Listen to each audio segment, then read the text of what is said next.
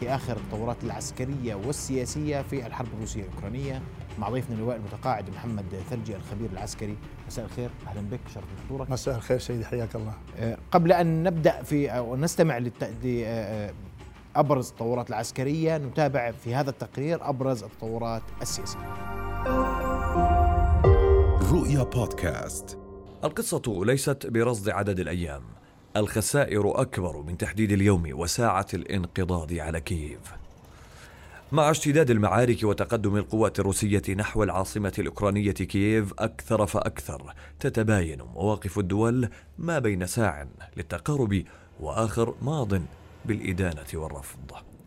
بدءا من الدوحة حيث توصلت معها برلين إلى اتفاق يقضي بشراكة طويلة الأمد تضمن ألمانيا بموجبه حصولها على الغاز المسال من قطر في خطوة لوقف التهديد الروسي بإمداد الغاز لأوروبا وخطوة بحث عن منافذ أخرى غير موسكو في اعتمادها على الطاقة وهو ما يمكن اعتباره تطورا سياسيا خطيرا ينذر بتبدل المواقف قريبا بعيدا عن أي ابتزاز اقتصادي. على صعيد آخر أكد وزير الخارجية الصيني رفض بلاده للاتهامات حول موقفها من روسيا معتبرا أن وقوفهم يأتي على الجانب الصحيح مبينا أن التوسع شرقا من قبل الناتو هو المسبب للأزمة. كما أكد أن العقوبات الاقتصادية الموقعة من قبل الغرب على موسكو شيء مخزن ولا تأتي بأي نتائج إيجابية على المدى القريب. مواقف أوروبا بعد كل تصريحات أمريكية تأتي مختلفة بحجم الضغط على روسيا في ظل بدء بعض الدول طرد سفراء موسكو ووقف التمثيل الدبلوماسي فيها ما اعتبره المراقبون ضغطا أمريكيا على قرارات دول ليس لها مواقف مباشرة من روسيا. القراءة العامة في الشأن السياسي العام متداخلة ومواقف الدول تأتي بحجم المنفعة والوضع العام مصالح متبادلة واصطفافات على الجانب الأقرب في تحقيقها.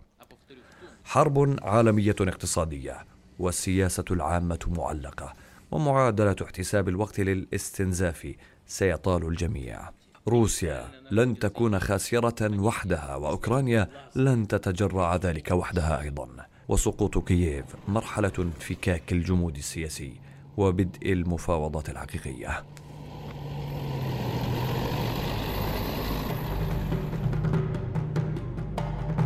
إذا كان هذا تقرير حول الحالة السياسية أو الوضع السياسي حول ما يحدث في أوكرانيا وبين أوكرانيا وروسيا. باشا بدي أسمع عنك تقييم عسكري بداية. وهل اقتربت كييف من مرحلة السقوط بيد الروس؟ برأيك. آه، أولا مساء الخير لك سيدي. وللأخوة المشاهدين دعني قبل البدء في توضيح آه، ما يجري على الساحة الأوكرانية آه، أن أنتهز هذه المناسبة وأنتهز وجودي معكم في قناة رؤيا.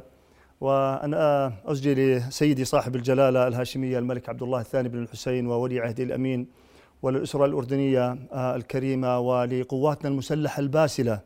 أسمى آيات التهنئة والتبريك بمناسبة يوم الكرامة. آه، يوم الشجاعة ويوم البطولة ويوم وقف الأسود يزمجرون على ضفاف نهر الأردن رافعي رؤوسهم بانتصار آه، مبهر وأيضا آه، سواء كان لشعبنا أو للطرف الآخر أيضا. فكل التحية لقواتنا المسلحة الباسلة وكل الحب لهم أيضا.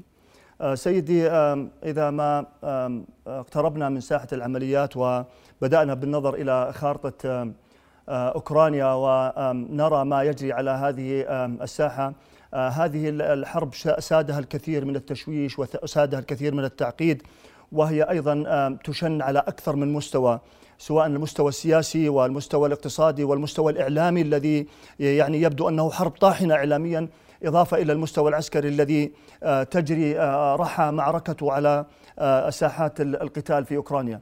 كما نعلم جميعا سيدي بأن القوات الأوكرانية القوات الروسية تقدمت من أربع محاور رئيسية وقد سبق وأن وضحنا هذا في ربما في وقت سابق القوات التي تقدمت من شبه جزيرة القرم ولنبدأ بها من الجنوب. هذه القوات تحركت باتجاه منطقة ماريبول باتجاه شرق وتحركت أيضا باتجاه الشمال باتجاه مدينة خيرسون غير ظاهر على الخارطة وباتجاه منطقة أوديسا بثلاثة اتجاهات مختلفة.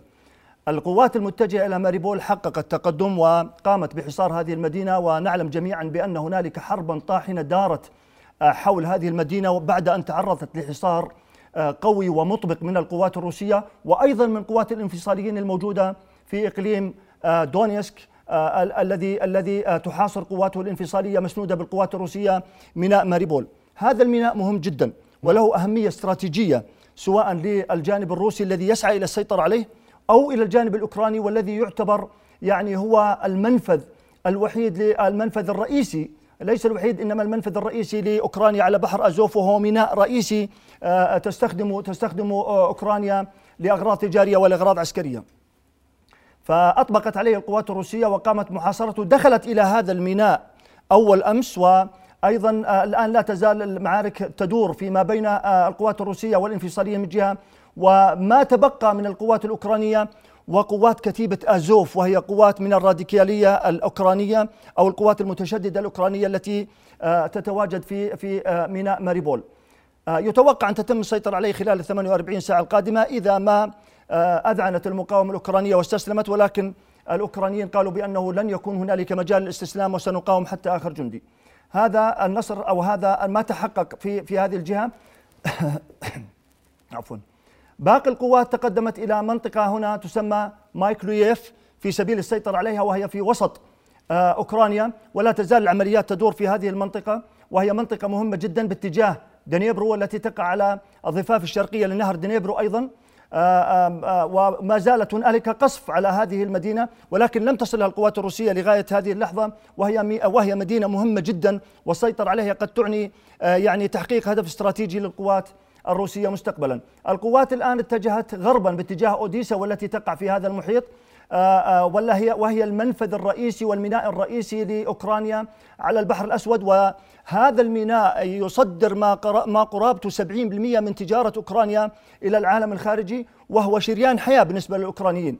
السيطرة على ميناء ماريبول والسيطرة على ميناء أوديسا يعني حرمان أوكرانيا من منافذها البحرية من الناحية التجارية وأيضا عسكريا لا تستطيع الوصول إلى المياه فيما إذا سيطرت روسيا على على على هذا هذا الميناء نعم إذا ما جئنا إلى المحور الثاني وهو المحور الشرقي والذي تقدمت فيه القوات الانفصالية مدعومة بالقوات آه، الروسية وقد تحقق لها السيطرة على معظم هذا الإقليم إقليم لوغانسك واقليم آه، آه، إقليم إقليم دونيسك.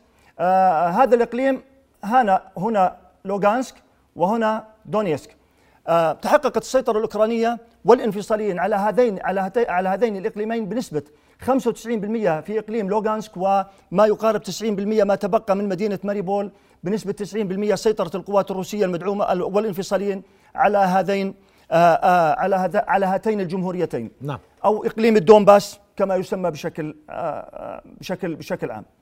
القوات التي تقدمت من هذا الاتجاه من روسيا من اتجاه الشمال باتجاه الجنوب إلى سومي وأيضا باتجاه خاركيف لا زالت هاتان المدينتان محاصرتان من قبل القوات الروسية وتتعرضان لحصار وقصف شديد شديد جدا ونسبة التدمير عالية جدا في مدينة خاركيف وهي مدينة التي تحوي على حوالي 35 جامعة ومركز آه، آه، تعليمي ومركز صناعي وهي تعتبر تعتبر ثاني أكبر المدن الأوكرانية من اتجاه الشمال هي عاصمة الإقليم الشمالي. نعم.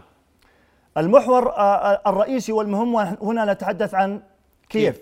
كييف سيدي هنالك ضواحي كييف. المعركة الآن تدور حول ضواحي كييف. وعلى ما يبدو سيدي بأن القوات الروسية قد تبنت خطة بديلة فيما يتعلق بكييف وباقي المدن التي لم تتم السيطرة عليها. العمليات العسكرية اتسمت في هذه المنطقة بالبطء الشديد واتسمت أيضا بالإعاقات والمعيقات والصعوبات الكثيرة التي واجهتها نتيجة عدة عوامل. آه، أهم هذه العوامل بأن هنالك مقاومة أوكرانية ربما لم تكن في حسبان الروس بأن أن يصطدموا بهذه المقاومة وهذا مرد إلى ربما التحضير الجيد آه، والخطط الدفاعية المحكمة وتغيير نمط الدفاع المتبع عادة في العمليات العسكرية عادة ما تدافع القوات على الحدود آه، ويسمى بهذا دفاع القشرة أو أو حسب الدفاع الذي يتم تبنيه من قبل هذه القوات. القوات الأوكرانية تبنت دفاعا غير نمطي وانسحبت من الحدود ودافعت حول المدن الرئيسية دفاع بالعمق ودفاع على شكل خطوط متعاقبة بحيث يكون هنالك عمق في الدفاع وبالتالي اختراق هذه الحدود هذه الخطوط الدفاعية سيكلف القوات المهاجمة يعني آآ آآ كثيرا من الناحية البشرية ومن ناحية المعدات ومن ناحية الوقت أيضا وهذا ما ما ما حصل. الآن تجري سيدي من هذه الناحية من ناحية الغربية والناحية الجنوبية الغربية تجري معارك شديدة في منطقة تسمى بوتشا ومنطقة إربين والتي هي عبارة عن تقاطع طرق رئيسي جدا يؤدي إلى العاصمة كييف وأيضا منطقة جوستوميل والتي احتلت مطارها القوات الروسية ومن ثم تمت السيطرة عليه لاحقا من قبل القوات الأوكرانية.